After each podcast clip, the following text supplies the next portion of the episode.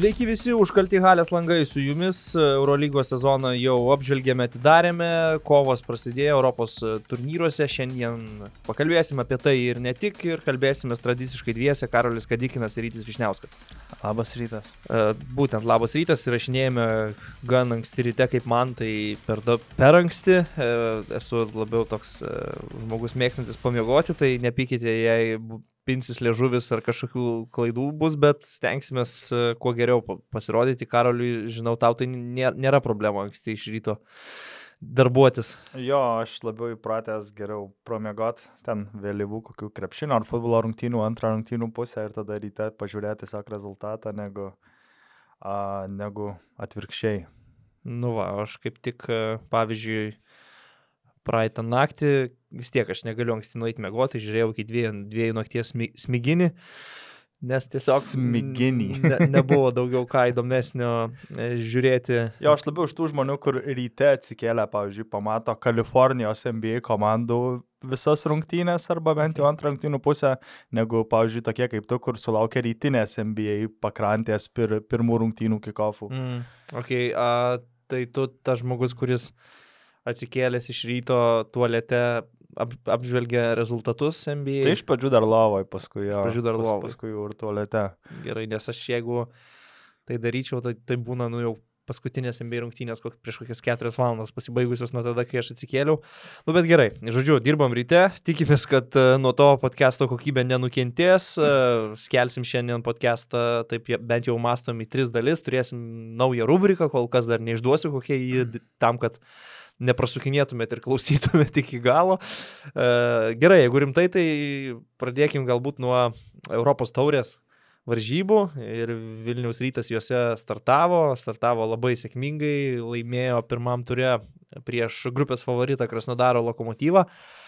E, tau netrodo toks truputį dėžavų į praėjusius metus, kai rytas irgi pirmam turė nugalėjo grupės favoritė Malagos Nikaha, viskas buvo ganėtinai panašu. Rytui labai gerai pavykusios rungtynės su greitų polimu, su rollais, e, tritaškiais ir varžovai atrodė tokie kaip ir pagal talento lygį geri, bet dar akivaizdžiai toli gražu nesusižaidė.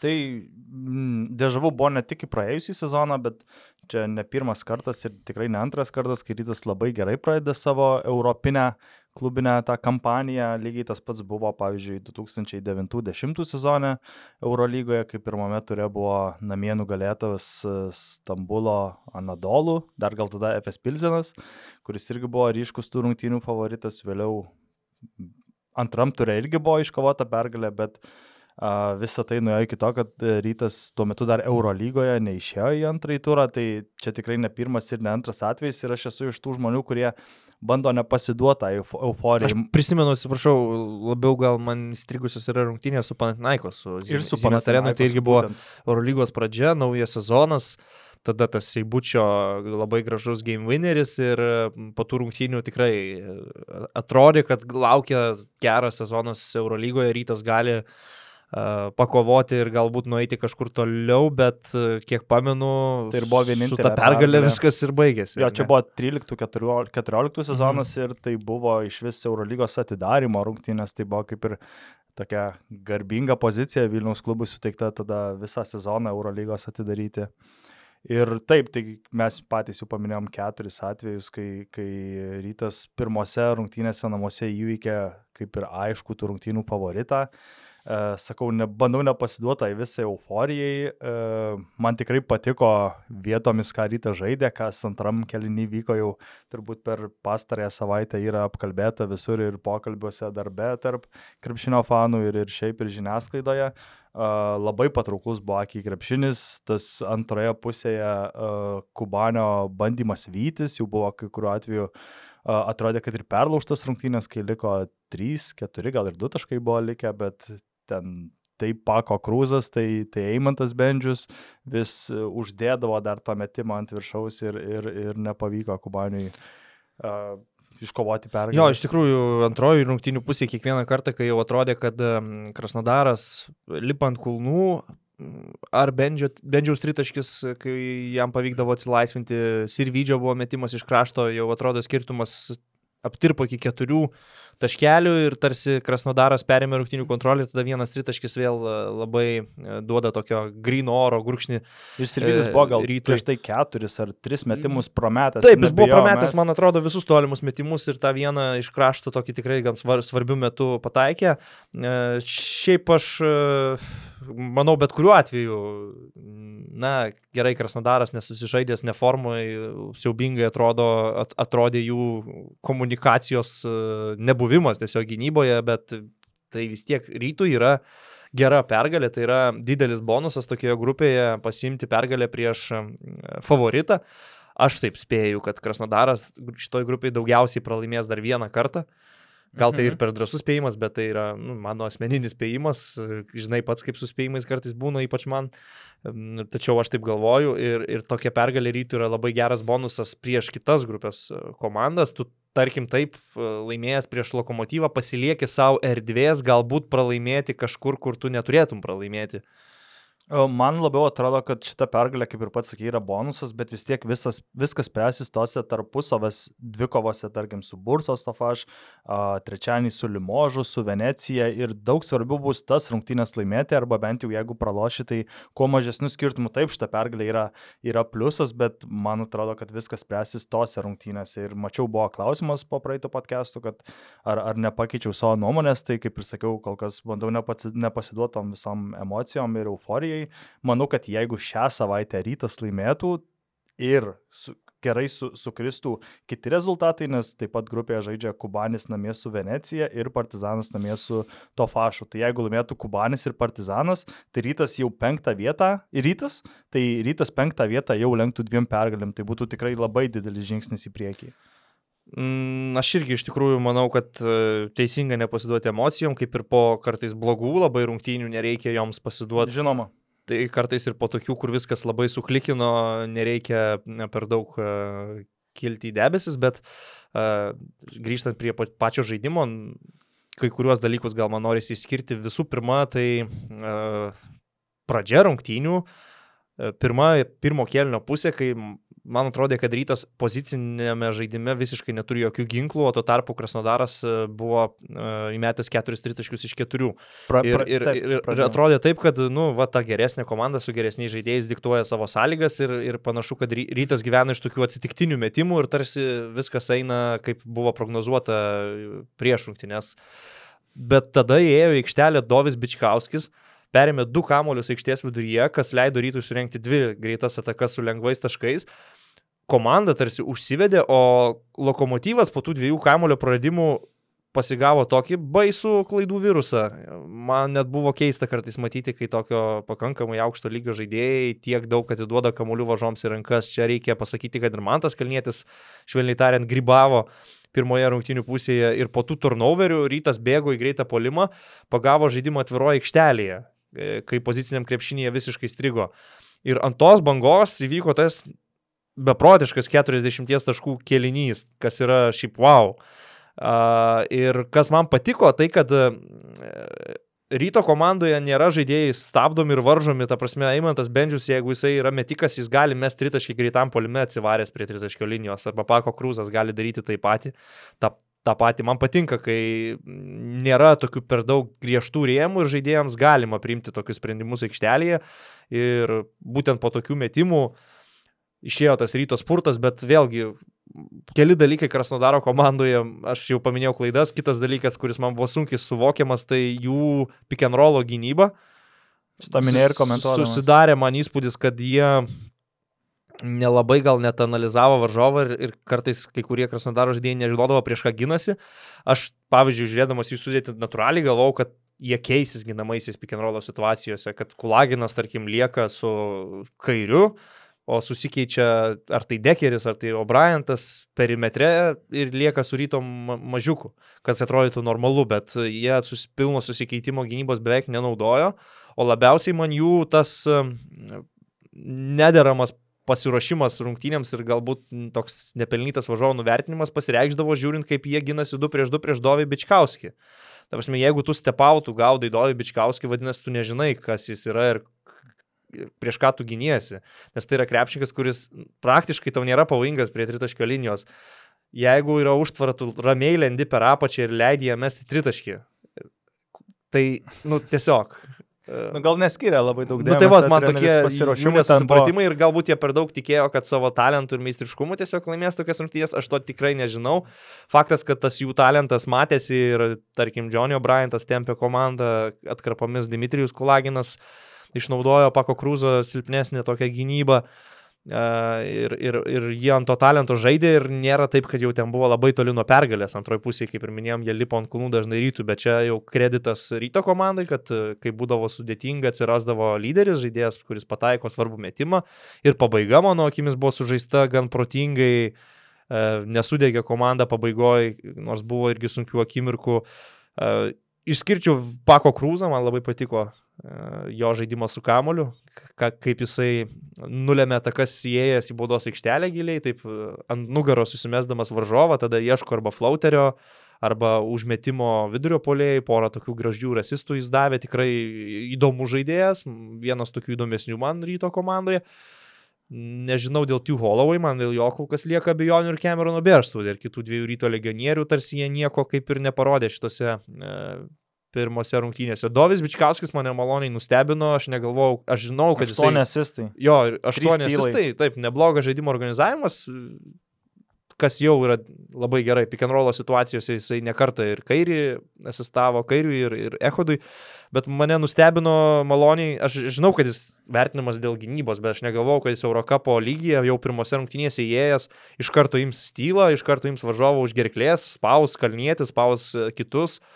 Krasnodaro gynėjus, tai man šitie dalykai tikrai patiko. Manau, kad labai solidus debutas Dovui Bičkauskijui, kuris, nu, turbūt netrodo kaip labai aukšto lygio ar Eurocapo netgi lygio žaidėjas. Jo, kol kas kol netrodo. Kas. Taip, rytas atmetus Eimanto Bendžiaus tritaškės salves, pataikė tik, 17, tik 2 tritaškius iš 17, taigi jeigu ne tie Eimanto tritaškai, tai nu, tikrai būtų buvę daug, daug prašiau.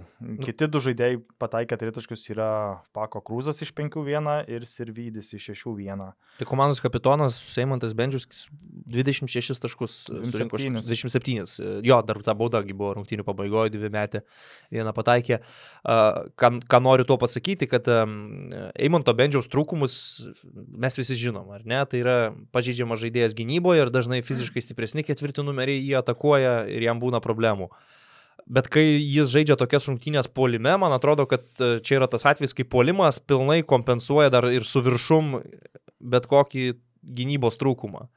Ir e, labai solidžios rungtynės, galbūt karjeros rungtynės Eimantui Bendžiui. Uh, Jo, gal nelabai atsimenu, kad jis būtų. Aš irgi ne, netikrinau, bet tai turėtų būti bent jau Europos taurės jo, jo karjeros rekordas. Šiek tiek priminė man tą mačą, kai rytas laimėjo Kaune prie Žalgirį LKL rungtynės ir būtent Bendžiaus tritaškiai. Ai, bet čia buvo prieš gal šešis metus. Čia senokai buvo, tai buvo dar Romanovo laikų Žalgiris, bet buvo gan stiprios sudėties Žalgiris ir reguliariojo sezono neipatingai svarbios rungtynės, bet mačas, kuriame Bendžius tarsi atsiskleidė uh, ir parodė, kad gali žaisti ryto pagrindinėje komandoje. Man kaip tik atrodo, kad ten buvo svarbios rungtynės, nes jeigu rytas būtų nelaimėjęs, tai gal rytas su žalgiriu jau tą sezoną galėjo žaisti pusfinalyje. Gal, gal ir maišau. Galbūt, okei, okay, aš tiek to. Nenoriu nusikalbėti, bet esmė, kad principas panašus, kai būtent Deimonto Bendžius tritaškiai labai pakeičia rungtynės.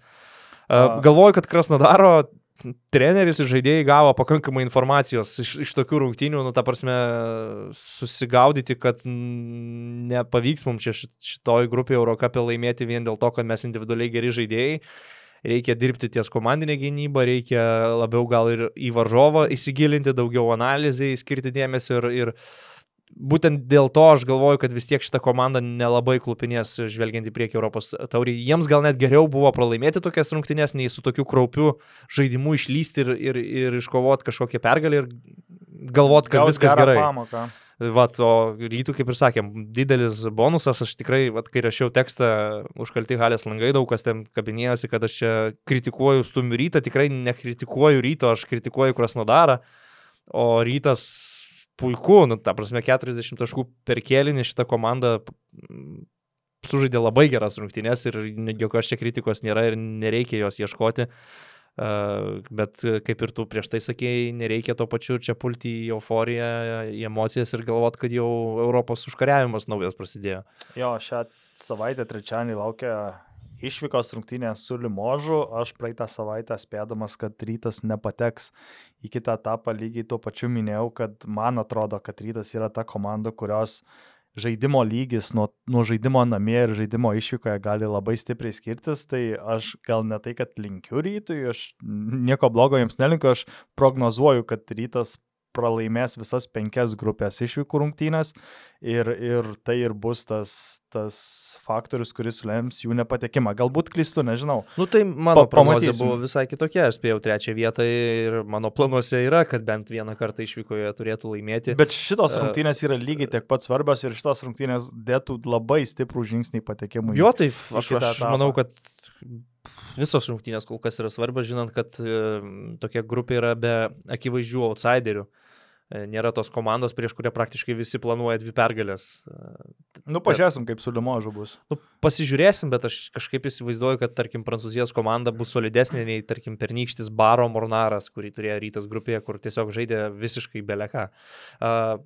Nežinau tikrai, koks tas Lim- limožas, aš nemačiau jo, sėsiu ruoždamasis komentuoti, pa- pasistudijuoti labiau sudėti, pasidomėti, kokie tie žaidėjai ir ką jie gali, kur jie žaidė, bet, na, įsivaizduoju, Prancūzijoje išvykose, žinant ryto netgi išvykų į Prancūziją istoriją, tai visą laiką būna tokios klampios, sudėtingos rungtynės, dažnai daug turnoverių dėl varžovų labai fiziškos gynybos. Prastas pataikymas. Prastas pataikymo procentas, e, prisimenu praėjusius metus rungtynę su Monaku. Pamenu, lyg ir Eurolygoje yra buvęs mačas su Šole komanda ar kažkas tokio, kaž, kažkuria tai Prancūzijos komanda, kur irgi buvo tokia nesmagi, su- sunkiai išvyka. Tai įsivaizduoju, kad rytas susidurs su labai fiziška komanda, su agresyvia gynyba ir tai bus, manau, visiškai kitokios rungtynės nei mačas e, Vilniuje su Krasnodaru, kur buvo toks run and gun krepšinis. Tai jau žaidė prieš Limožą, beje, prieš du metus ir abu kartus laimėjo, nors išvykoje pergalė pasiekta šiam 971. Nu tai va, tai yra šiam Tokiose 971, rungtynėse. maždaug tokio krepšinio aš, aš tikiuosi ir šią savaitę e, trečiadienį, bet, bet šiaip smagu, kad rytas laimėjo, smagu, kad tai pradėjo sezoną, aš e, optimistiškai nusteikęs, kad Vilniečiai eis į tą kitą etapą ir uh, man pačiam gerai, nes būtų daugiau darbo, daugiau komentavimo, tai pirmin, pirmin Vilniečiai, kaip sako fanai. Aš dar trumpai paminėsiu tokį fun faktą. Praeitą savaitę taip pat Eurocopo A grupėje susitiko Monakas su Andora. E, Monakas laimėjo 8-2 šiam 6 ir, ir, Tipo kaip ir Ispanijos ir Prancūzijos klubai, bet kaip ir... Kaip ir kaip ir ne. nikštukinės dvi valstybės, per kurių abiejų klubų, valst...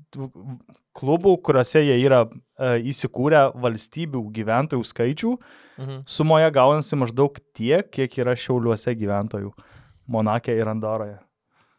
Čia šiaip toks fan nukrypimas, man atrodo. O yra Apie bent- bent- 120 Yra bent vienas uh, vietinis žaidėjas per abi komandas, nežinai, ne tik Būtent Monakė ir būtent Nu, Andoroje. Andoroje, tarkim, gimęs Andoroje, ar, ar, ar Monakė gimęs Monakė.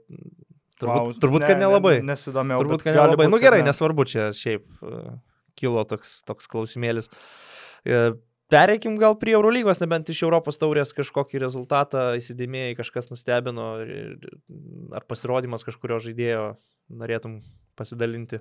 Ne, daugiau Ne, kaip ir. tai ok, tai tada pereikime galbūt prie Eurolygos. E, Irgi pradėkime nuo Lietuvos komandos rungtynių, o vėliau jau paliesime kitas aktualijas. Tai Kauno Žalgiris pradėjo sezoną pralaimėjimu, kaip ir praėjusį sezoną pralaimėjo Baskonijai pirmajame turė, taip ir mm, tai pačiai Baskonijai šį sezoną pradėjo nesėkmė. E, Bet jei sakiau ryto rungtynės, man truputį dėžavų su praėjusiu sezonu, tai žalgerio man jokio dėžavų nėra, nors tai pačiai komandai pralaimėta, bet tai labai skirtingas krepšinis. Kaip pernai aš pamenu, žalgerį nuskandino Baskų e, puolimas, fantastiški tritaškiai, patys žalgeriečiai taškus rinko, žaidė gan rezultatyviai, bet tiesiog varžovai įmetė daugiau, tai šį kartą buvo rungtynės gynybinės su žemais pataikymo procentais, su 2,21 m ūgio Jusufo Falo. O kodėl ne folas? O tai kodėl jis turėtų būti folas? O kodėl folas? Nes jis nėra amerikietis, jis senegalietis. Ok, tai man tai Jeigu jis būtų įdomi. amerikietis, jis tikrai būtų priežastis. Ir aš niekiek nebejoju, kad e, amerikiečiai, anglai komentatoriai sako fall, o ne fall. Bet tai yra jūsų fa fall. Tiesiog. Alright. Net jeigu netiki, tai ACB puslapyje yra e, Tarimas. žaidėjai ir Eurolyga irgi mums komentatoriams e, siuntė linką, kur visi žaidėjai patys pasako savo vardą ir pavardę. Tai yra jūsų fafal. Ir tiek žinių. Visiems gal bus aiškiau, nes Jo. turbūt ne man vienam buvo iškilęs šitas Mm, klausimas. Tai va, tai nors aš pagaunu, kad gal nėra labai jauku girdėti falas per televizorių ir negaliu sakyti, sakyti, kad yra labai malonu e, sakyti falas, bet aš esu šalininkas to, kad vis dėlto e, stengtis kiek įmanoma autentiškiau tą pavardę ištarti. Per, nu, aš žinau, kad reikia, reikės vis tiek lietuvinti, vis tiek išsikreipys, bet, e, nu, nu, supranti, ką noriu pasakyti. Būt. Tai gerai, tai vat, išėjo tokios rungtynės, kur 2,21 cm jūsų fafalas diktavo sąlygas ir labai didelį įtaką turėjo žalgerio polimui, būdamas baudos aikštelėje. E, Gaila, kad nepasiteisino žalgerio strategija, kai falas buvo atakuojamas pick and popais. Ir Lendilas išvedamas laisvė metimą, manau, kad jeigu bent du iš tų tritaškių būtų įskraidinės, Perasovičius privalėtų reaguoti ir sodinti e, tokį milžiną ant suolo ir žaisti su Michaelu Eriku, tada galbūt Žalgiriui būtų paprasčiau ir baudos aikštelėje rasti variantų, kaip užpulti. Mm, pralaimėjimas 12 taškų skirtumų, žemas rezultatyvumas, bet man kažkaip neliko blogo skonio po šitų rungtynių, vertinant Žalgirio konkrečiai žaidimą. Aš pamačiau labai solidžią gynybą antrojo rungtynių pusėje, kai buvo taikoma pilno susikeitimo sistema, natūralu, kad e, ginantis taip nebegali žaisti su Martinu Gebenu, bet e, Lendylas ir lygiai pajėgus keistis ir Žalgiris, kai taikė tokią gynybos sistemą, viskas labai gerai pavyko, Baskonijai reikėdavo dirbti dėl bet kurio metimo, pataikė ir tokių sunkių metimų, metas Ženingas, kai kurie kiti žaidėjai per rankas ir kaip sakė Šaras, jeigu man pasakytų, kad praleisim 70 taškų nuo Baskonijos, aš imu tokį variantą ir, ir čia faktas. Patiems labai pirmoji pusė koja kišo klaidos, antroji pusė, mano akimis, tiesiog nepataikymas iš gerų situacijų ir kai tu nesumeti tokių pakankamai paruoštų gerų metimų, natūralu, kad laimėti sunku šitam lygyje, 58 taškai, aišku, per mažai. Jo, labai skirtingai atrodo, tarkim, palyginus ryto ir žalgerio rungtynės, nes rytas kaip tik tą polimo banga lyg ir, lyg ir nu, nušlavė varžovus. E, Žalgeris antroje rungtynių pusėje, kai buvo sumažinęs trečio kelno gale rezultatą iki keturių taškų, reikėjo dar kažkiek pabaigtą tvarkingai kelinį, nes e, tada, tada prieš paskutinį atakoje Dženingas tritaškį, tada Lendailo klaida ir nusivarė Dženingas dar iš vidutinio uždėjo. Ir, ir vienas dalykas yra pradėta lemą rungtynių atkarpą ketvirtą kelinį, kai turi minus keturis ir visai kas kita yra pradėti, kai turi minus Ypač devynis. tokiuose nerezultatyviuose Taip, rungtynėse, nes, e, tarkim, ryto Krasnodaro rungtynėse, čia kaip palyginai 9 taškų skirtumas nereiškia tiek daug, nes tai Jo, atrodė, kad didelis atakų easy. skaičius, daug laisvų metimų, o šitam čia Žalgės Baskonė 9 taškai tai yra jau lipimas į kalną. Ir iš tikrųjų, tos Dženingo metimus prisiminus, e, pirmas tas tritaškis tai buvo po Žalgirio susikeitimo, kai Džokas Lendilas mano akimis gynėsi puikiai. Iškėlęs, Ir įsikeudžius, man atrodo, net ir paplojo. Gali būti, gynybos, nes, nes iškėlęs ranką per teisingą atstumą buvo nuo sniperio ir, ir kai varžovas tokį pataiko, tai tiesiog gali nukelti kepurę prieš jo talentą ir meistriškumą.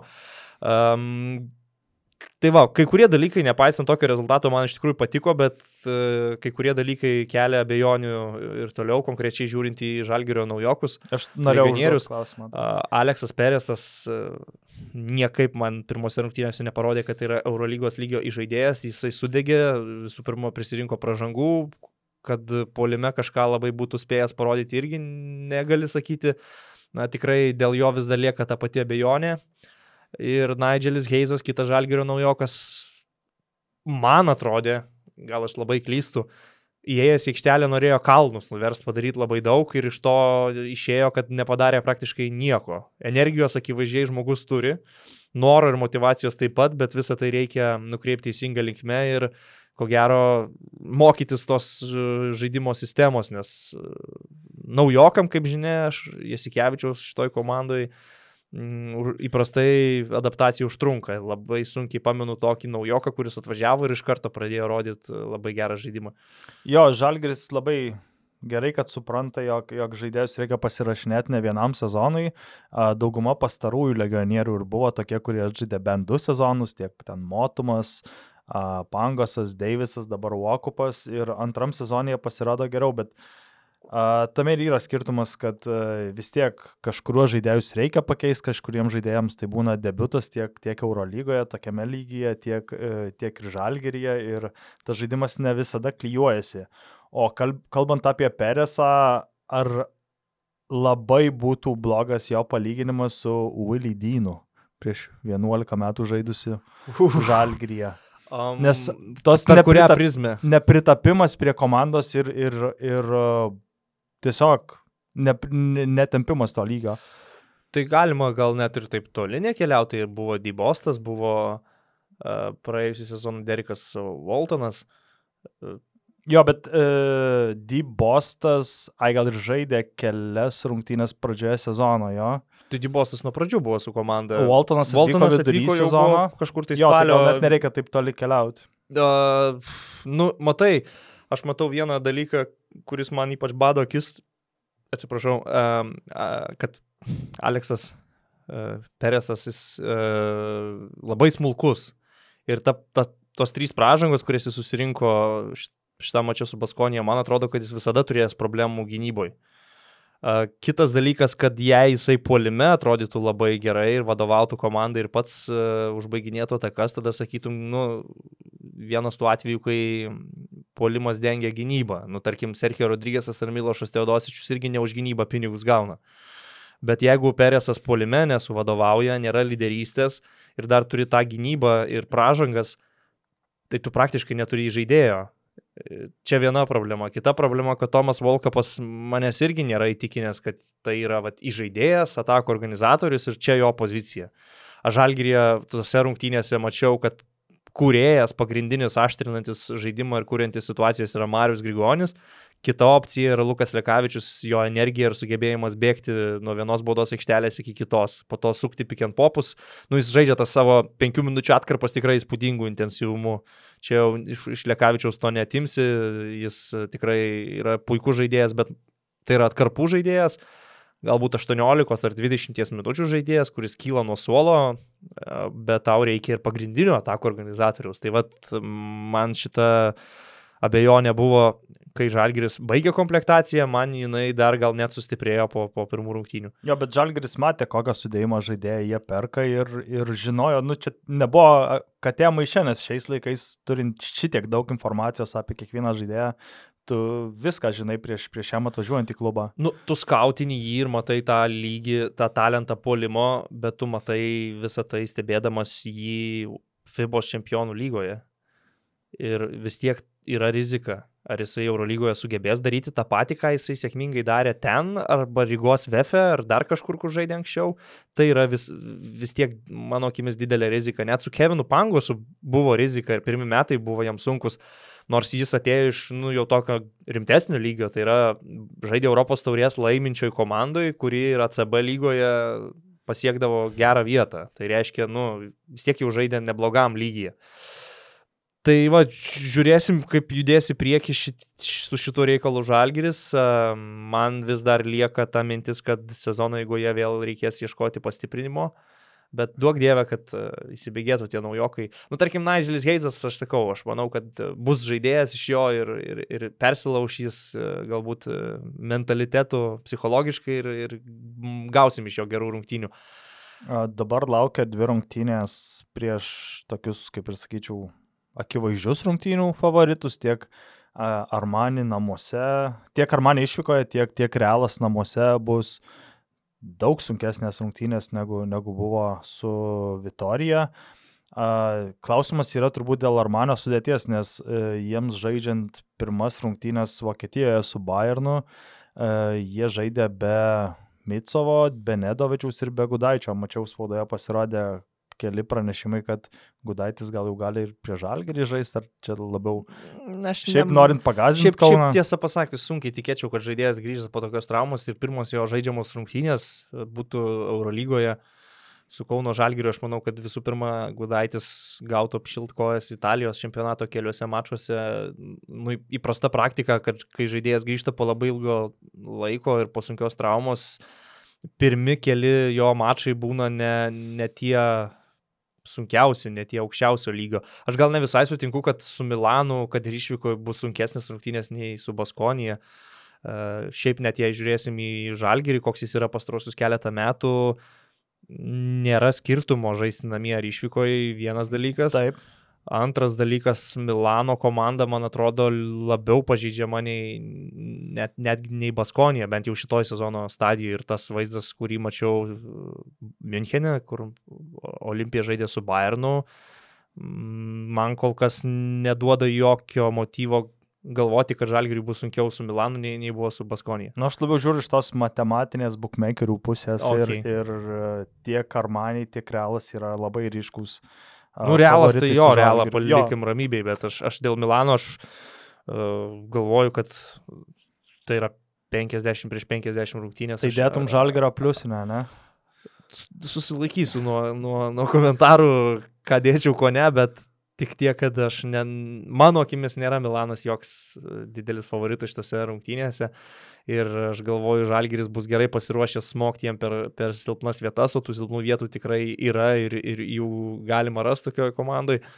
Aišku, daug e, kalbama apie legendinį Luisą Skolą, jis labai rezultatyviai debitavo Eurolygoje, ne Eurolygoje debitavo, aišku, bet naujojo Grįžo. naujojo savo komandų, grįžo į Eurolygą, rinko taškus. A, Maikas Džeimsas, buvęs komandos draugas, tiksliau buvęs Milano žaidėjas, tweetino kažkaip ten, kad uh, Luisas Kol yra kaip tas senelis iš YMCA, kur visi žino, ką darys, bet jis vis tiek baudžia, kažkaip taip patvytino Maikas Džeimsas, žiūrėdamas uh, Milano komandos rungtynės. Uh, bet net ir jo buvimą aikštelėje tu dažnai gali paversti savo naudai, ta prasme išnaudoti jo lietumą, užpult būtent per jį. Taip, žinoma. Ir Žalgeris yra ta komanda, kuri paruošus visada būna namų darbus. Ir jei randa kažkokį varžovą Hilo Kulną, tai per tą vietą eina ir eina dažnai iki galo. Tol, kol jo nepakeičia. E, Manau, kad Milanas yra ta komanda turinti labai akivaizdžių spragų, silpnų vietų, ypač dabar, kol dar trūksta traumuotų krepšininkų ir aš tikiu, kad Žalgeris pasinaudos tais, tais ginklais. O kalbant toliau apie likusias rungtynės, jeigu daugiau Jo, neturi ką pridėti dėl Žalgirio, a, pats pirmas Eurolygos turas nebuvo gal toks labai įdomus, gal net kažkiek nuvylė. Šešios iš devynių rungtynių baigėsi e, dvi ženkliais skirtumais, dvi iš tų trijų, kurios nesibaigė dvi ženkliais, irgi ketvirtam kilne jau buvo kaip ir aiškus laimėtojas, tiek Panatinakosas su Cervenas Vesda tiesiog tampėsi iki galo turbūt dėl labiau dėl a, dėl motivacijos gal stokos arba nesusižaidimo, bet ne dėl to, kad e, tų rungtynių nugalėtojas dar būtų paklaustuku. Himki Makabi. Himki irgi turėjo didelį pranašumą, vėliau Makabis jį beveik ištirpdė, bet a, irgi ketvirtam kelny buvo beveik aišku, kas laimės. Ir tos vienintelės turo rungtynės buvo a, Realas Fenerbakčia, kuriuose mhm. realiai viskas sprendėsi paskutinę minutę. E, Realas pradžioje rungtynių irgi labai pabėgo, kaip ir mėgsta, e, gal ne visada pirmam kelnį, bet daryto savo milžiniškus e, žlugdančius varžovo e, spurtus. Fenerbakčia vėliau atsakė lygiai tuo pačiu antrajame kelnyje. E, Pradžioje klydęs Nando Dekolo e, vėliau labai gerai atrodė polime įmetęs tiek tritaškius, tiek prasiveržimais. Uh, plėšęs varžovų gynybą, o gale e, Realas vėl išsigelbėjo savo tritaškiais. Lygiai tą patį beje Realas padarė ir savaitgalį žaisdami Ispanijoje, dabar tik neatsimenu, ar prieš Gran Canaria, ar prieš Tenerife, nes paskutinę minutę dar turėjo minus vieną, bet tada Lulas atėjo, įmetė du tritaškius ir, ir baigė rungtynę. Aš, aš realą su Fenerbakčia žiūrėdamas, tai galvojau, kad jeigu turėčiau neribotas galimybės komplektuoti Eurolygos komandą, tai mano komandoje būtų uh, Derekas Williamsas, Jordanas Mickey ir Willas Clyburnas, o toliau jau ten lipdyčiau kažkokius įžaidėjus. Kampatą. Nu, fat kokius nors įžaidėjus susirinkčiau, Okay. bet tai būtų įspūdingo fiziškumo komanda ir Jo Miki labai gerai atrodė. Miki man fantastiškas papildymas e, realui vietoj Ajono.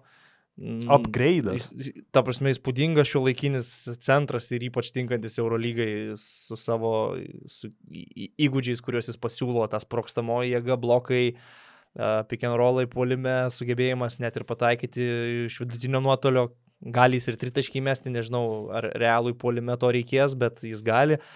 O Derikas Williamsas, aš prisimenu pas Želko Bradovičių Fenerbakčiai 40 minučių ar 38 žaisdavo Nemanė Bielica. prieš išvažiuodamas. Savo. MVP Eurolygos Taip, sezoną. ir Derikas Williamsas dabar sužaidė 40 minučių, tai galima iš dalies sakyti naujasis Nemanė Bėlis iš toj komandai, bet jau pirmose rungtynėse tu matai, kad puikus pirkinys ir jisai nėra jokių priežasčių, kodėl negali sužaisti labai gero sezono Fenerbakčyje. Tai šitų rungtynių dar paminėsiu Nikolas Laprovitolą, kuris debitavo Realo komandoje ir labai stipriai baudėsi šitose rungtynėse. Man atrodo, 8 naudinga. Pablo Laso netgi avansų jam davė žaisti ilgiau nei reikėtų, nes ketvirtam kelnykai Laprovitola degino vieną ataką po kitos. Jis vis tiek gavo dar porą minučių pažaisti, nepaisant apylygio rezultato ir bandė vienas prieš vieną atakuoti Williamsą, gavo bloką. Nu, tiesiog košmariškai atrodė, kai tuo tarpu kitas argentinietis Kampaco vėl buvo nuostabus nepakartojimas ir vienas iš pagrindinių pergalės e, kalvių. Labai Aš- daug apie realo galybę parodo tai, jog žaisdami namie su vienu savo pagrindiniu e, priešininku Feneriu, jie gali leisti Jordan Mickey žaisti tik 16 minučių. Tai jie turi iš tikrųjų labai gilę sudėtį ir dabar kalbama, kad Salamai Mežry grįš į Madridą, tuo pačiu gali būti atsisveikinama su Trejumi Tomkinsu, kuris prastos formos atvažiavo į komandą, bet Realo gretose ir 13 ir 14 žaidėjai yra pajėgus. Manau, kad kažkurio sezono metu dar ir Felipe Rėsas vieną kitą mačą sužais geresnį tokį, kur duos naudos ten 8 taškais, 5 reboundais ar kažkas tokio. Aš gal tik norėjau truputį pa- paprieštarauti dėl Himki Makabi rungtynių. Mano akimis nė- nėra taip, kad ten ketvirtam kelinį viskas buvo aišku. Makabi tikrai turėjo šansų pasivyti Himkus, tiesiog ne, svarbiausiose lemiamuose atakuose arba klydo prara- praras- prarasdami kamolį arba nepataikė metimų, bet yra įdomių momentų iš tų rungtynių, bent jau man. Himki kentėjo, kai traumą patyrė Stefanas Jovičius, nes tada praktiškai be pagalbos liko žaidinėjant kamuolį Aleksėjai Švedas. Ir nuo, tos, nuo to momento realiai jautėsi, kad artėjant kelniui į pabaigą, neįtin geros dar formos pats būdamas švedas gali ir nepatemti visas rungtynės be, beveik be keitimo. O Večeslavas Zaicevas, kaip ten bebūtų, neto lygio žaidėjas, kad Eurolygoje pavaduotų pagrindinius e, pirmus numerius. Tai kas man patiko iš Makabio pusės, nes ten buvo labai daug blogų dalykų, tris kėlinius, ten siaubingų debiutų, Tyleris Dorsi, kur atrodė visiškai nesupranta, kur atsidūrė žaidėjas, labai prastas tikrai krepšinis puolime, bet ketvirtam kelinį Janis Firopolas, matydamas, kaip komanda neapsigina, kaip siaubingai atrodo kai kurie naujokai, metė tokį penketą, kuriame buvo du centrai, Otelo Hunteris ir e, Tarikas Blekas, trečioji pozicijoje Quincy Eisi, kuris šiaip yra power forwardas, ketvirtas numeris, ir perimetre Džonas Di Bartolomeu iki tol visą mačą sėdėjęs ant suolo ir beveik nežaidęs iki tol Denny Avdija. Ir Scotty Wilbekinas, Omri Kaspi, brangiausi komandos žaidėjai, polimo lyderiai buvo pasodinti, nes Wilbekinas polime atrodė prastai, o Kaspi nors ir sugebėjo rinkti taškus, bet gynyboje buvo visiškas skylė. Ir treneris priėmė tokį drąsų sprendimą, pastatė Quincy Ace ant švedo, po to Tariką Bleką pastatė ant švedo, viską pradėjo keistis gynyboje ir va taip Makabis grįžo į rungtynes. Tai čia nors ir komanda pralaimėjo, aš atiduodu tikrai pagarbą strategui, kuris rungtynių eigoje sugeba priimti tokį nestandartinį sprendimą, variantą, kuris tau leidžia praktiškai pakovo dėl pergalės mačo pabaigoje. Jo ketvirtam kelny dar buvo minus 17 ir sugebėjo grįžti iki minus 4, nors ir galiau nepadarė Ir, rungtynių. ir, ir Vi- One possession game. Buvo dar šitam mače įspūdingas dėjimas Quincy Eisi per, Sergejų Monę. Praktiškai nužudė Rusijos krepšinio veteraną to dėjimu Eisi, bet įdomu tai, kad po šito dėjimo rezultatas buvo 60-56 ir būtent po šito dėjimo Himkis sportavo 13-0. Tie- Tiesiog, ne, nesakau, kad tai koreliuoja, bet, e, nu, šiaip norėjau pa, pa- paminėti. Tai šitam e, mače, kaip ir kai kuriuose kituose, aš laukiau konkrečių žaidėjų pasirodymo. E, Norėjau pažiūrėti, kaip atrodys Jonas Jerepko. Tai puolime atrodė gerai, gynyboje turėjo bedų, buvo atakuojamas 2 prieš 2 kombinacijomis. Na, bet puolime įmetė vieną tokį tritaškį po driblingo visiškai iš Klei, Klei Thompsono repertuaro, galbūt truputį pasimokęs. Ir, na, aišku, Himkos yra traumuotų žaidėjų, kurių dar labai laukiu, bet norėjau pažiūrėti ir į Omri Kaspį, kaip jis atrodė sugrįžęs į Eurolygą. Tai, sakau, polime kažkas pavyko. gynyboje kaip, kaip ir skylė buvo, bet man atrodo lūkesčiai per dideli. Tiesiog e, pasitiko tą sugrįžtantį Kaspį Izraelyje kaip superžvaigždė, kaip žaidėją, kuris pakelia komandos lygį, bet mano akimis tai nėra perimetro žaidėjas, kuris kūrė žaidimą, tai yra krepšininkas, kuriam kaip tik reikia kurti situacijas ir jis niekaip nebus tas žaidėjas, kuris Makabi temps, išves kažkur, jis gali būti geras žaidėjas šalia kitų gerų žaidėjų. Ir e, aš labai manau, kad yra didelė rizika, kad Makabi šiek tiek ir sudegs investavusi didelius pinigus į, į Omri Kaspį. Uh, šią savaitę antrame turė įdomiausios rungtynės bandau, bandau sugalvoti, kurios čia įdomiausios, bet irgi tie susitikimai tokie atrodo su ryškiais favoritais. Gal Himki Baskonė yra tokios gero lygio rungtynės Olimpiakosas Valencija netempė to lygio. Nu, ypač žinant, kaip, kaip, kaip Olimpiakose dabar viskas vyksta, tai ten daug, daug, daug klaustukų, tikrai klausimų daugiau nei atsakymų. Jo, įdomu gal bus pamatyti Asvelį su Pantanaikosu, ar tas pirmame, ta, ta pirma, pirmame turėjo iškovota triuškinantį pergalę prieš Olimpiakosą nebuvo tik atsitiktinumas, nes Pantanaikosas akivaizdu yra geresnio lygio komanda. Už Olimpiakosą.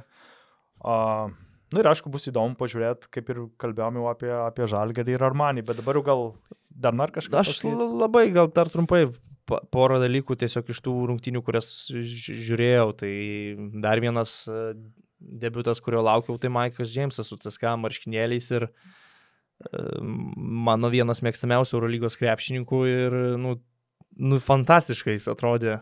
Ir žaidė net netiek daug minučių, bet tiesiog dominavo aikštelėje ir tai yra toks žveris, kuris gali tai daryti kiekvienam turė, kiekvienose rungtynėse ir aš labai tikiuosi, kad jam pavyks ir CSK komandoje įsirodys, kad visi tie, kurie jį kaltindavo dėl Armanio pralaimėjimų, nebuvo visai teisūs ir, ir, ir šito žaidėjo reikia prisibijoti. Tai... Va, už 7-7 metimai tik baudos. Nu, okei, okay, baudos. Nu, ne, nu, tai, būna, ja. bet tikrai fantastiškai atrodė. Ir šiaip aš galvoju, kad CSK gali struggling, strikt Valencijoje, Valencija nėra silpna komanda ir tai kaip tik yra tokia namų komanda. Taip, taip, būtent. Ir aš galvoju, kad CSK pakeitus tiek daug žaidėjų gali turėti problemų tokio išvykui, bet nieko panašaus, gan lengvai susitvarkė, laimėjo užtikrintai.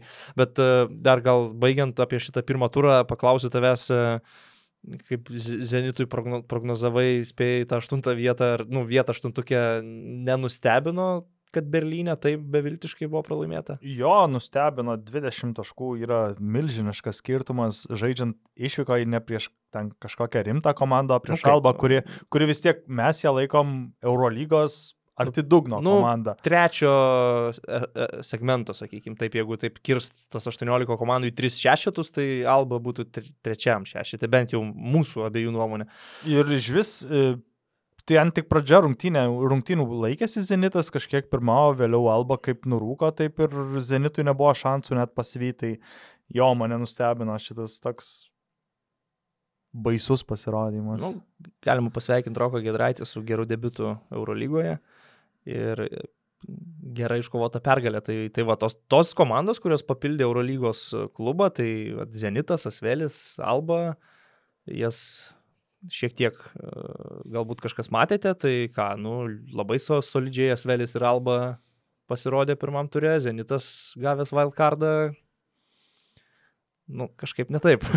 Gerai, tai kaip suprantu, apie pirmą turą iškalbėjom, ap, ap, aptarėm, apžvelgiam viską, ką reikėtų. Dabar gal judėsim prie naujosios mūsų rubrikos. Jo. Tai leisiu e, tau pradėti. Jo, bandome pasisėmę iš, iš kolegos Jono Miklovo idėją, bandome ją įgyvendinti dabar podcast'e ir nauja rubrika vadintųsi In ar Out. Čia mūsų diskusijose labai dažnai nu, vartojami terminai. Tai e, aš arba, arba rytis sugalvos kažkokią temą, vienas kitam ją pasakysime ir tada abu sakysime mes in ar out nuo to. Tai pirmas klausimas būtų Jasikevičiaus uh, portreto nukabinimas ryto Jeep arenoje. Jeep arenoje. Būtum in ar out nuo to? Aš gal patavęs pasisakysiu. Gerai, um, aš out iš tikrųjų. Uh, keli argumentai. Pradžiai, kad uh, atskiras klausimas, ar Jasikevičius apskritai yra pasiekęs ir nu, padaręs tiek daug klubui, kad jis būtų vertas kabėti ten.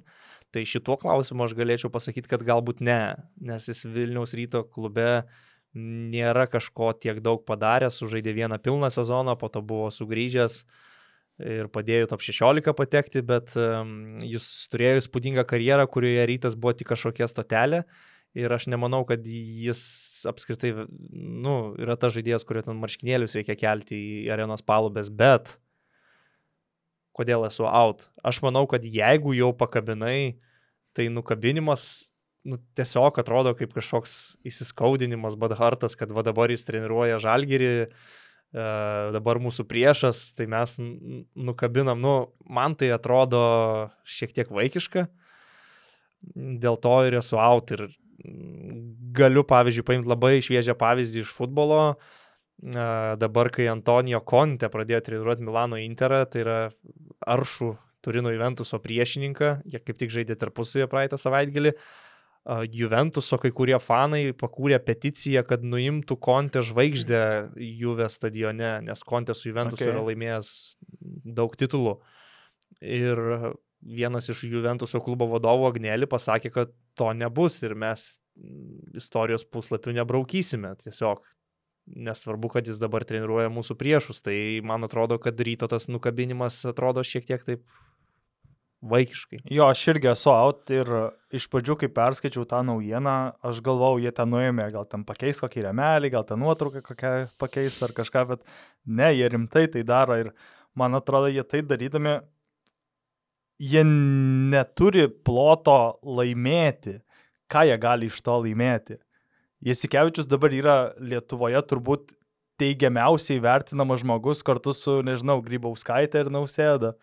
E, nėra labiau teigiamai vertinamo žmogaus, jis buvo išrinktas ten kažkokio popsinio žurnalo metų žmogumi, metų žmogumi. Ir aš tiesiog neįsivaizduoju, kur jie gali laimėti suprantu, jeigu būtų neužkabinta ir tipo tiesiog mes laikomės tos pozicijos, kad va, Tiesikevičiaus ne, neužkabinam ir tiesiog taip yra. Bet užkabinti ir nukabinti, hmm, nu, man būtent. čia yra mega lol. Ir, uh, dar dalykas tame, kad, uh, okei, okay, Jasikevičius gal ten nieko nėra per daug laimėjęs su rytu, bet, pavyzdžiui, Valančiūnas irgi yra laimėjęs tik tai vieną LKL čempionatą 20-ais. Jisai kabo. Ir dabar rytas labai promina tą savo šūkį rytas family. Mes esame šeima, mes esame kažkokia bendruomenė. Tai jie nukabindami Jasikevičiaus tą portretą, tai tik parodo, kad jo, okei, okay, mes esame šeima, bet jeigu jūs kažkada nueisit į ten, kur mes nenorim jūsų matyti, čia tinka tiek žaidėjams, tiek treneriams, tai mes jūs atskirsim nuo savo šeimos ir jūs jau nebebūsit family. Tai man tiesiog tai nekoreliuoja su tuo, ką jie bando transliuoti savo socialinėje erdvėje. Nu, ten aš kaip supratau pasisakymus, kad e, ne va tais fanų prašymų buvo, bet po to be tribūno viską gan paaiškino, paaiškino taip, kad tikrai jie nei ultimatumų kėlė, nei reikalavo nukabinti kažką, buvo kažkoks pokalbis kadaise šitą temą ir tiek, nu, jokinga iš tikrųjų. Aš manau, kad taip, jeigu būtų lubos švarios be nieko ir tada susėda klubo vadovai ir diskutuoja, kad reikia pagerbti mūsų klubo legendas ir prikabinti ant marškinėlių ar tai portretų. Ir tada, jeigu diskusijoje būtų nuspręsta, kad Šaras nevertas ir jo nekeliam, tai man atrodytų fain, aš galiu suprasti, kodėl nekabin žaidėjo, kuris netiek daug rungtyniavo pas tave. Ten gali kabinti šležą, gali kabinti šiškauską, nu daug tikrai yra iš ko pasirinkti. Jeftokas tas pats, nors dabar dirba žalgyryje, jisai su rytų yra daug padaręs. Mm, tada viskas būtų gerai, bet kaip ir tu sakėjai, jeigu pakabinai ir po to nukabini, tai, nu, atrodo labai labai jokingai ir kažkaip mano akimis solidi organizacija ne, ne, neturėtų taip elgtis. Ir Jasikevičius yra aukščiausias aukščiausio lygio, daugiausiai pasiekęs žaidėjas tam realiam ryte.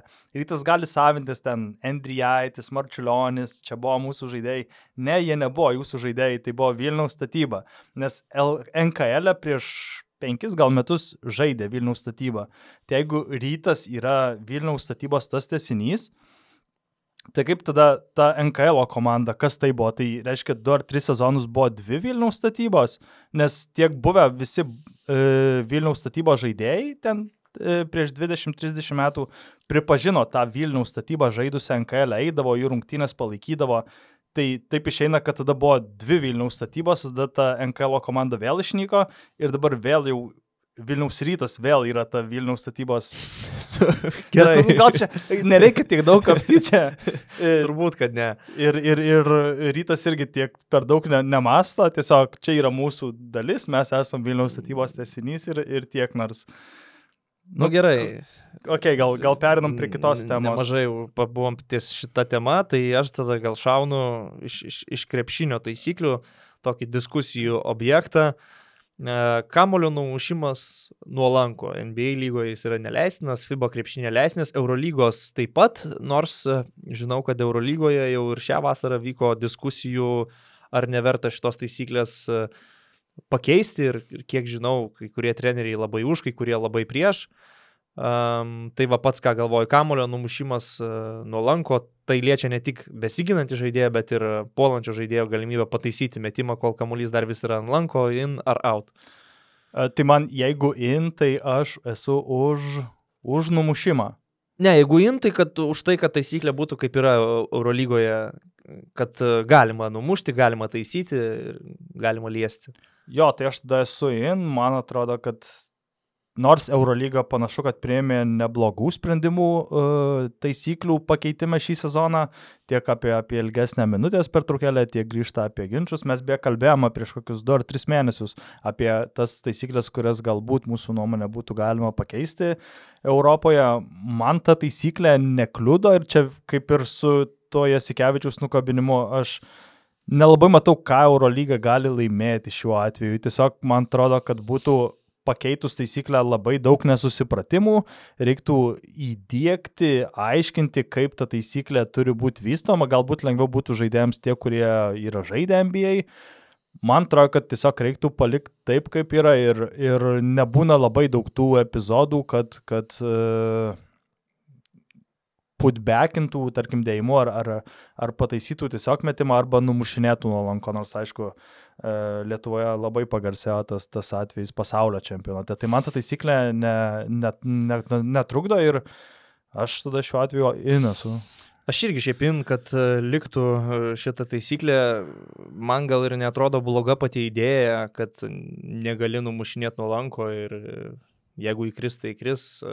Pati idėja man netrodo bloga, man atrodo ir NBA pavyzdys e, man yra pats geriausias, kad e, pats realizavimas šitos taisyklės yra gan komplikuotas. Tai yra sužiūrėti kiekvieną kartą, ar ten Blake'as Griffinas putbekindamas padarė tai legaliai, ar pusę kamulio dar buvo virš lanko. Tai yra praktiškai neįmanoma. Taip, rungtynių, čia yra vis tiek spėjimas. Nu tai va, rungtynių prieš paskutinėmis minutėmis tai yra peržiūros, bet jos dar ir labai ilgai trunka ir tada ten turi nustatinėti, ar kamuolys savo projekciją buvo virš lanko ar ne. Čia pavyzdžiui, bei finaluose Kazinso buvo tas epizodas taip, rungtynėse taip, taip. Toronte. Tai man čia yra dalykas, kuris jau daro taisyklę, švelniai tariant, netobula. Tada aš eičiau prie to, kad galbūt tik besiginančios komandos žaidėjas e, negalėtų numušinėti, bet tada gal ne visai teisinga būtų besiginančios Didelis komandos atžvilgių. Tai va, ir bendrai sudėjus visus argumentus į krūvą, aš irgi manau, kad uh, viskas yra gerai Europoje ir nereikia šito keisti. Uh, nors kaip ir su kai kuriuom kitom taisyklėm būna, jeigu kažkas nuo to nukentėjo, uh, Tai tada, vat, pavyzdžiui, Dainius Adomaitis, po to, kai Lietuvos rinktinė nukentėjo, kitą dieną su žurnalistai bendravimas pasakė, kad NBA turi labai gerą taisyklę, kad negalima liesti. Bet kažkaip to nesakė, kol tai nu, nebuvo susiję. Nu, tai va, tai tą ir noriu pasakyti, bet e, man, mano nuomonė irgi šį kartą sutampa su tavai. Ok, dabar bandom liesti tą temą ar ne? Nu, šakių tai tu, tu, šakių tu, tu gulbelė šauk, šauk, įveiktų žalgerio trejetuką. 3 prieš 3 turnyrą. In ar out? Aš esu out ir net nenoriu daug kalbėti. Jo, vakar labai daug, kas, kas nežino, galit pasiskaityti komentarus mūsų, mūsų puslapyje labai plačiai uh, įvairių uh, sričių, tiek profesionalai, tiek mėgėjai pasisakė tą temą, tai jo, gal neliečiam šito, aš irgi tada antrą savo uh, in ar out temos uh, paimu iš, iš, iš taisyklių. NBA šiuo metu išbando uh, taisy, taisyklių tą e, normatyvą tokią, kad e, treneris kartą, kiek suprantu, turbūt kartą per rungtynes gali e, challenge'int bet kurį rungtynų epizodą. Tu in ar out? Aš tiesą pasakius esu out. Man atrodo, kad pakankamai neblogai yra reglamentuota tai, ką galima peržiūrėti ir kada galima peržiūrėti. Ir ties tuo yra dar dirbama, tai yra tobulinama, bet aš nenorėčiau, kad dar prisidėtų dar papildomų peržiūrų, papildomų pauzių. Man taip stipriai neskauda, kad nežinau, šeštą rungtinių minutę neteisingai auto sušilpė užžybį, nepamatė nuo ko kamuolys e, užėjo, o kai tai yra paskutinės dvi rungtinių minutės, jau peržiūrima viskas, ką galima peržiūrinėti. Uh, tai jeigu challengintų kažką antro kėlinio viduryje, aš nematau didelės prasmės, nes tai bet kuria atveju yra vienos atakos kaina ir tai nėra rungtinių pabaiga, kai sprendžiasi nugalėtojas. Uh, man dabartinė sistema atrodo pakankamai gera ir aš nematau reikalo įvedinėti kažkokius challenge'us. Yra sporto šakų, kuriuose gal sakyčiau kitaip, bet krepšinis ne ta. E, vėlgi, ką matau Eurolygoje, labai tvarkingai arbitrai dirba, komunikuoja ir peržiūri pražangas dėl paprastos nesportinės. Ir aš retai matau tokį epizodą, kai man žiūrint pakartojimo, atrodo, nesportinio teisėjai nenuėjo net pažiūrėti. Labai retai aš susiduriu su, su tokiais epizodais, tai esu out. Aš gal būčiau in šiuo atveju, nes tas challenginimas čia akivaizdu, kad paimta iš teniso. Uh, galima challengint viską. Tai kaip suprantu, galima challengint, challengint ir gale rungtynių, jeigu teisėjai nesušvilpia pražangos iš vis. Turbūt treneris gali challengint ir peržiūrėkit, ar ten tarkim, ne, nekirto per rankas ir taip toliau. Galbūt tai dar labiau pagerintų uh, teisėjavimo kokybę, dar mažiau tų neiškių ir kvestionuotinų momentų būtų, nors ir šiuo atveju tikrai taip peržiūros tikrai pagerino, pagerino tą kokybę, bet man atrodo, kad tas vienas challenge'as per, per rungtynės visiškai, nu gal ne visiškai, bet daugumoje išspręstų tą problemą ir uh, Turbūt čia būtų kaip ir tenise, kad jeigu tu challenge'ini, e, tu esi teisus, tai tau tas challenge'as lieka ateičiai, Je, jeigu ne, tai, tai jis pranyksta, bet man atrodo, kad tai dar labiau pagerintų tą, tą teisėjavimo kokybę ir jeigu rungtynių gale, tarkim, šiuo atveju, kai net negalima e, sustabdyti ir peržiūrėti kai kurių momentų, treneris galėtų challenge'int ir, ir ištaisyti galimai nebuvusią klaidą. Nu, aš, aš manau, va, tu pasakai pražangos pavyzdį. E, vis tiek krepšinis yra toks sportas, kur peržiūra galima tada, kai sustojo žaidimas. Ir, na, pavyzdžiui, pražangų tu atgal negražinsi, at, atakų nenubraukinėsi ir atgal žaidimo negražinsi. Tai yra, jei įvyko pražanga ir nebuvo užrybio, nebuvo stabdymo, varžovai pradėjo savo ataką, nu, bet kur. Bet uh, tai gal NBA apie tai ir kalba, tai, kad... Tada staigiai teisė, treneris pribėga, challenge ir stabdom žaidimą? Galbūt taip vyksta, aš nežinau. Nu bet gerai, tada tu challenge'inai, peržiūrėjo, pamatė, kad nebuvo pražangos. Ir tavo varžovas vietoj to, kad padarė stylą ir galėtų bėgti, turės iš auto įsimetinėti kamerą. Nu, tai čia irgi yra tokia tai, taisyklių gal netobulumas, ne bet... Nu, tai aš bendrai paėmus dėl to ir sakau, kad esu out, nes man atrodo ir tai pakankamai gerai funkcionuoja dabartinė peržiūra. Arba galima būtų įvest, kad jeigu tu challenge'ini ir, ir tavo challenge'as nepasitvirtina, tai tarkim veikia kaip techninė pražanga ir važiuoju metą vieną baudą. Nu, nežinau, aš šį kartą konservatyvus. Tai... Jo, suprantu. Tai... Aš, gal, aš gal liberalesnis tada. Dar turi šioje rubrikoje kažką? Aš galvoju, kad mes čia na, nemažai jau laiko iškalbėjome ir dar reikėtų prie skaitytojų klausimų pereiti, tai kitam kartui pasiliksiu savo dar turimus in ar, in ar out rubrikos variantus. Beje, labai lauksim jūsų komentarų, pasakykit, ar jums patiko tai, ar, ar, ar gal kaip tik labai neįdomu. Tai tiesiog e, pasisakykit ir mes stengsimės kaip ir peržiūrų sistemos tobulinamos, taip ir savo podcast'o sistemą tobulint, e, atsižvelgiant jūsų poreikius. Tai dabar dar truputėlį laiko jūsų klausimam. Uh, Pradėsiu gal nuo Laimono klausimo, kadangi kreipiasi vardais taip tiesiogiai į mus, sako ryti, kodėl abu su Karoliu esat sausi statistai ir nepaisant paskutinių dviejų žalgerio sezonų savo spėjimuose paliekat jį už top 8. Tai Laimonai, žinok, aš manau, mes kaip tik būtumėm sausi statistai jai dėl to, kad pernai pateko, šiemet vėl sakytumėm, kad pateks. Aš manau, kad pasikeitė ko ne pusė komandos ir visada yra nelengva iš naujo lipdyti gerą komandą. Eurolyga yra dar stipresnė ir rungtynių yra dar daugiau nei buvo pernai. Kai kurie klubai, kurie pastaruoju metu vegetavo, turėdami didelius biudžetus, man atrodo, pasidarė išvadas ir, ir, ir žengė į priekį. Taip, kad į to paštuonis patekti yra dar sunkiau, o Žalgiris ir pernai pateko per Marytės plauką, kaip yra sakoma. Ir ta prognozė, kaip pavyzdžiui, vieta spėliojama, aš sakiau, dešimta vieta, aplink aštuntuko, arti aštuntuko, galbūt net jame idealiu atveju. Tai yra labai geras mano akimis vertinimas Žalgiriui. Tai nėra prognozė, kad Žalgiris outsideriai kaip Alba bus kažkur ten apatiniai lentelės dalyje, jokių būdų. Aš, aš kaip tik manau, kad pakankamai taip uh, adekvačiai paprognozavom gerai, duok dievė, bus daug geriau, nei mes priprognozavom. Šešta vieta ar dar kažkas, tai būtų fantastika, bet mm, nesijaučiu, kad mes būtumėm labai nuvertinę Lietuvos čempionus. Jo, aš irgi po tos prognozijos gavau ten savo įpajamą tokių pasyviai agresyvių žinučių, tai irgi tik noriu pasisakyti, kad čia nėra joks žalgerio nuvertinimas, čia tiesiog šiais metais Eurolyga yra žiauriai stipri. Ir galbūt aš klystu, gal, galbūt ta 11 vieta ir 8 vieta skirsis ten kokią vieną pergalę, tai mes negalim nuprognozuoti, kaip ten vienos ar dvi rungtynės į, įvyks. Man atrodo, kad 11 vieta kaip ir sakiau prieš savaitę, yra pakankamai nebloga žalgeriui, galbūt jeigu sužais ten porą rungtynių gale geriau, galbūt liks 7, galbūt jeigu sužais blogiau, liks 13-14. Man atrodo, čia pakankamai adekvatu. Ir mes abu nesam žalgerio fanai, mes neprivalom aklai tikėti žalgeriu kiekvieną sezoną.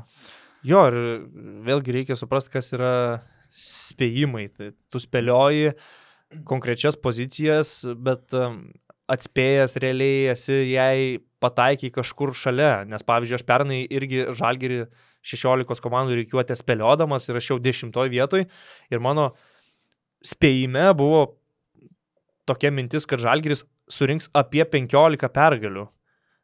Tai aš negalėjau žinot, kad 15 pergalių užteks 8 vietai, kai 9 irgi turės 14 ar 15, nu tiesiog. Bet pati tendencija, kad bus kažkur ten, kaip ir pataikyta, nu tai tiesiog nepykit, jeigu nemalonu, spėjimai yra spėjimais, o norai visai kas kita ir man atrodo visi nori, kad Lietuvoje būtų žaidžiamas aukšto lygio krepšinis ir Eurolygos playoffai kiek, kiekvienais metais. Tai mes lygiai taip pat norim kad Žalgiris idealiu atveju būtų Eurolygos playoffuose. Gerai, kiti klausimai. Mindaugas, vat, kaip tik šiandien apie taisyklės nemažai kalbėjom, klausė apie tuos G lygoje įdėktus pakeitimus dėl baudų metimų. Ar tokia sistema sukuria daugiau galimybių strategijoje, ar kaip tik sumažina? Tai čia būtų žingsnis, mano nuomonė, atgal, nes tai jau buvo įvesta prieš kelis metus, kai gal ne, ne, ne identiška taisyklė į tokį, kokia dabar yra G lygoje, kai už dvi ar tris baudas metamas tiesiog vienas metimas, bet būdavo taip, kad e, metamas vienas ir vienas ir tarkim, jeigu užsitiška, tai ir vienas.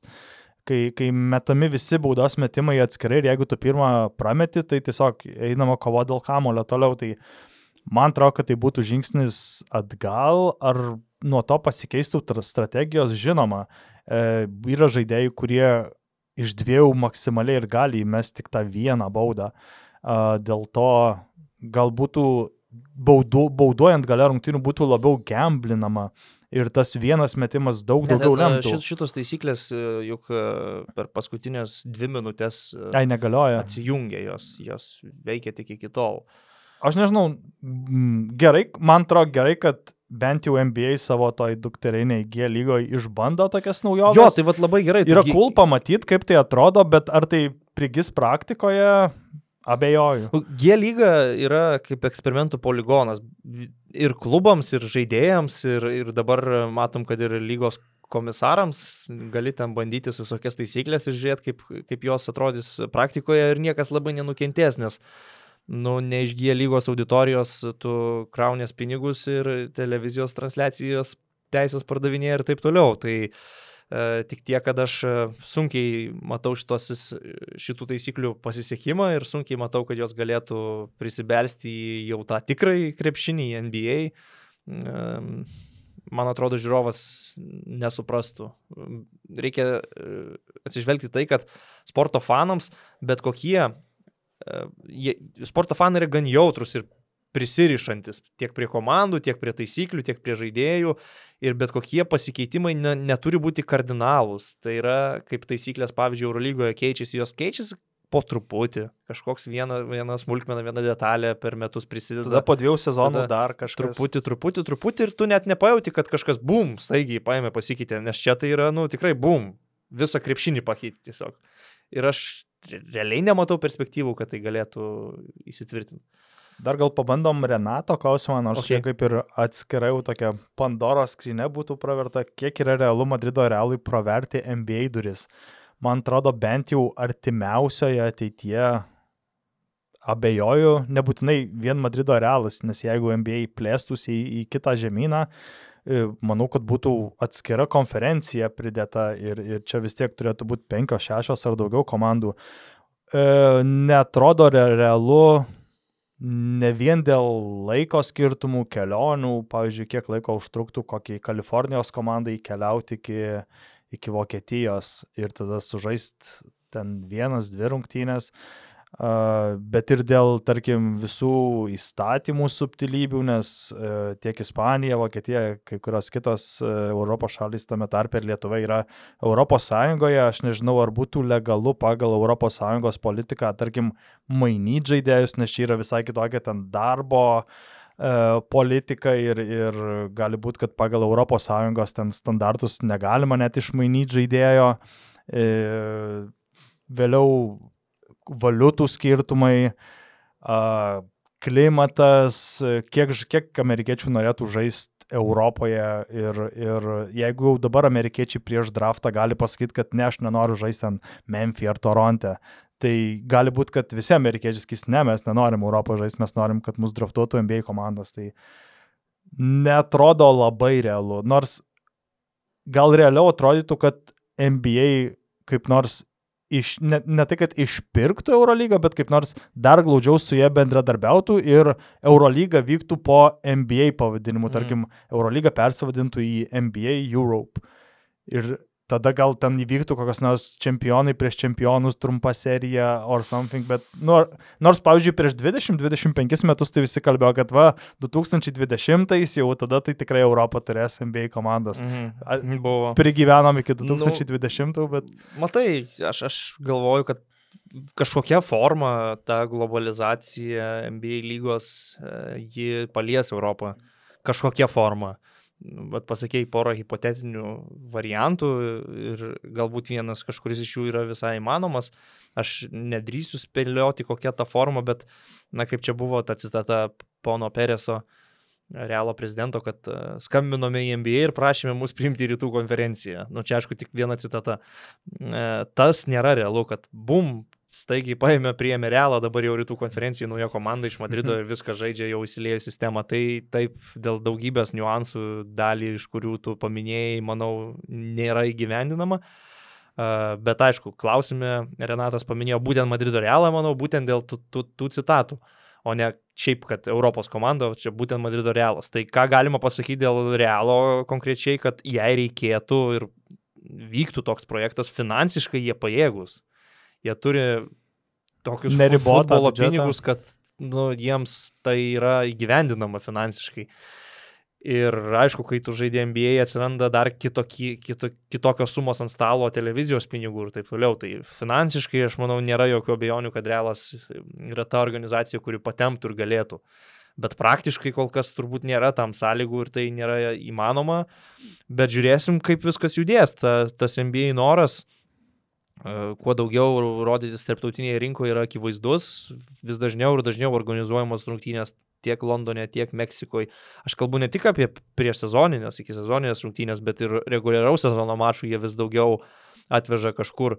Ir man atrodo, sekantis žingsnis bus playoffų kažkokiu būdu atvežimas į, į, į, į kitą šalį, nežinau kaip tiksliai tai gali. Bram, dėl playoffo aš abejoju. Namų aikštelės pranašumas reikalingas, bet... Praranda namų. Nu, namų pranašumą. galbūt ir buvo pačio Adamo Silverio mintis, kad uh, žaisti dar taurės turnyrą, trumpą taurės turnyrą. Bet čia vėl atskira. sezono viduryje tema. kažkur. Tai galbūt tą taurės turnyrą atvežti į, į Londoną ar kažkur į Europą, kodėl ne.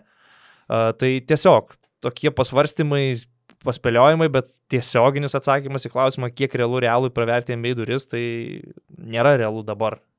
Į, į tokį MBA, koks jis yra ir, ir toj sistemoje atsidurti. Jo, jeigu NBA nežaidžia net Meksikos komanda, kur nebūtų jokių, tarkim, laiko skirtumų, kelionių kažkokių milžiniškų, jeigu nežaidžia net Meksikos komanda, tai kalbėti apie kažkokią kito žemynų komandą, man atrodo, yra kol kas nelabai realu.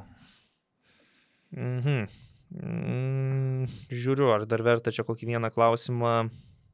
Kaip tik vienas žmogus klausė apie tuos trenerių challenginimus dėl vaizdo peržiūrų, tai šį klausimą kaip ir atsakėme. Uh, va, nu galbūt Edgaro klausimą pabandykime pabaigai.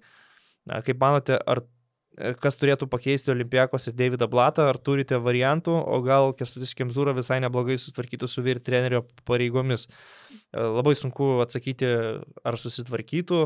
Aš nežinau, ar jis yra svarstomas apskritai Olimpijakos vadovų. Laikinai gal turės susitvarkyti, nes... Laikinai gal, gal ir turės, pareigas. bet e, ar ilgalaikėje e, perspektyvoje sunku labai pasakyti.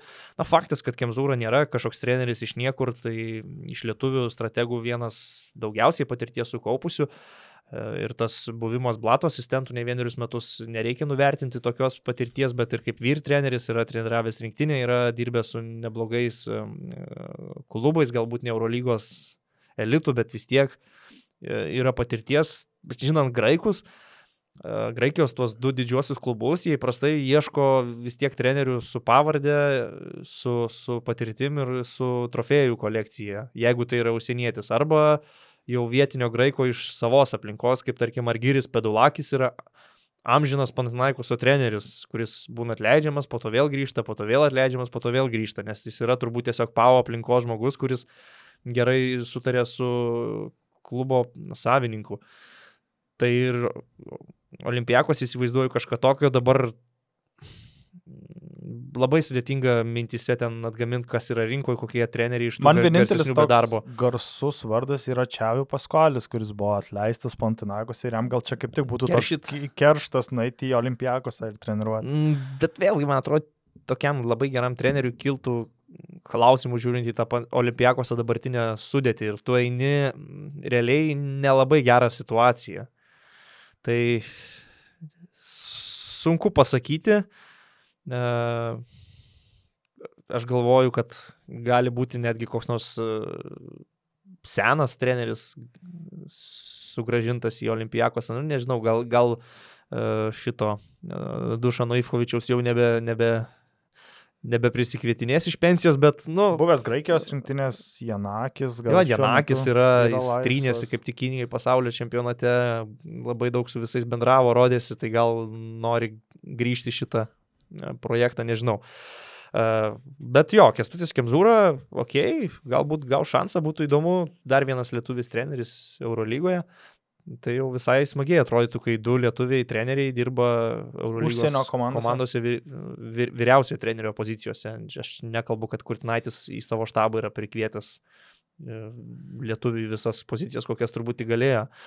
Tai ką, e, turbūt viskas, ar iš klausimų kažkas dar tau užkliuvo? Jo, gal tiek šiam kartui. Gerai, tai atsisveikinam, kaip visada įimu rankas lapelį, perskaitysiu atsakingai visą tą tekstą. E, Pirmieji mūsų podcastą išgirsti ir pamatyti gali tie, kas mus prenumeruoja audio ir video platformose. Ieškokite užkaltų Halės langų kanalo Podbean, Stitcher arba Spotify programėlėse. Visi laidų įrašai taip pat talpinami iPhone podcast arba Android podcast. Ne tik girdėti, bet ir matyti mus galite basketnews.lt YouTube kanale, kurį užprenumeravę. Visus laidų įrašus irgi peržiūrėsite pirmiau nei kiti. Ir taip pat pasketnews.lt puslapyje skiltyje tinklalaidės irgi talpinami e, podcast'o įrašai. Kaip visada, laukiam komentarų, diskusijų, pastabų, kritikos, komplimentų. Rašykit į komentarus tiek pas mus Facebook'e, tiek ir Basket News YouTube kanale po vaizdo įrašais, užkalti halės langai buvo su jumis, atsisveikinam ir vėl išgirsite mūsų balsus kitą savaitę. Iki kito pirmadienio.